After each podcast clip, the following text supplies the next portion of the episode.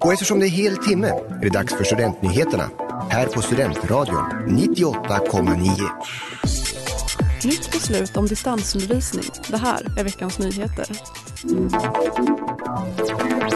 Den 5 februari fattades ett nytt beslut gällande åtgärder kring undervisning med anledning av coronaviruset. Beslutet innebär bland annat att undervisning i den mån det går ska fortsätta ske digitalt.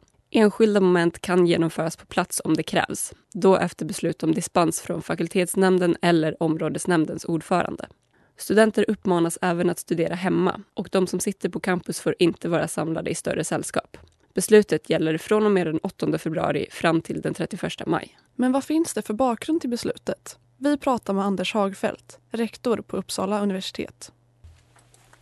Det är ju långt kvar till maj. Möjligheten finns ju att situationen ändras. Hur kommer det sig att ett beslut tas redan nu? Ja, det som ligger till grund för, för vårt beslut, rektorsbeslutet, är ju att eh, smittläget i samhället och så är det ju regeringens beslut och Folkhälsomyndighetens rekommendationer som ligger till grund. Eh, och sen förstås så har vi också eh, inom ramen för beslutet våra behov och förutsättningar då i verksamheten. Eh, och sen för att undvika allt för många olika datum så följer vi de datum som har satts på nationell nivå. Och eh, kommer det något nya beslut så kan ju situationen ändras förstås men vi, vi har de datum som sätts på nationell nivå. Distansundervisningen har ju snart pågått i ett år. Påverkar det de beslut som fattas angående fortsatt digital undervisning? Ja, det finns ju förstås en, en stark önskan att, att, att återgå till campusundervisning och, och examination.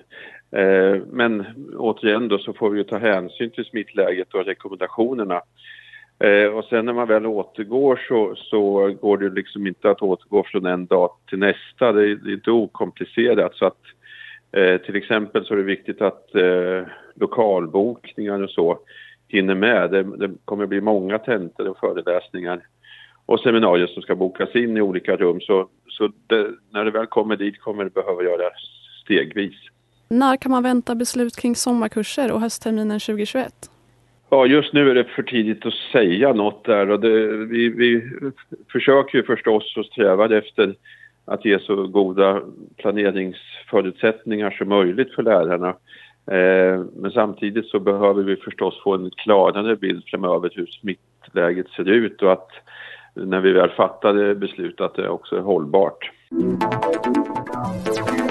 Du har lyssnat på nyheterna i Studentradion 98,9 med Amanda Jansson och mig Elvira Oberger.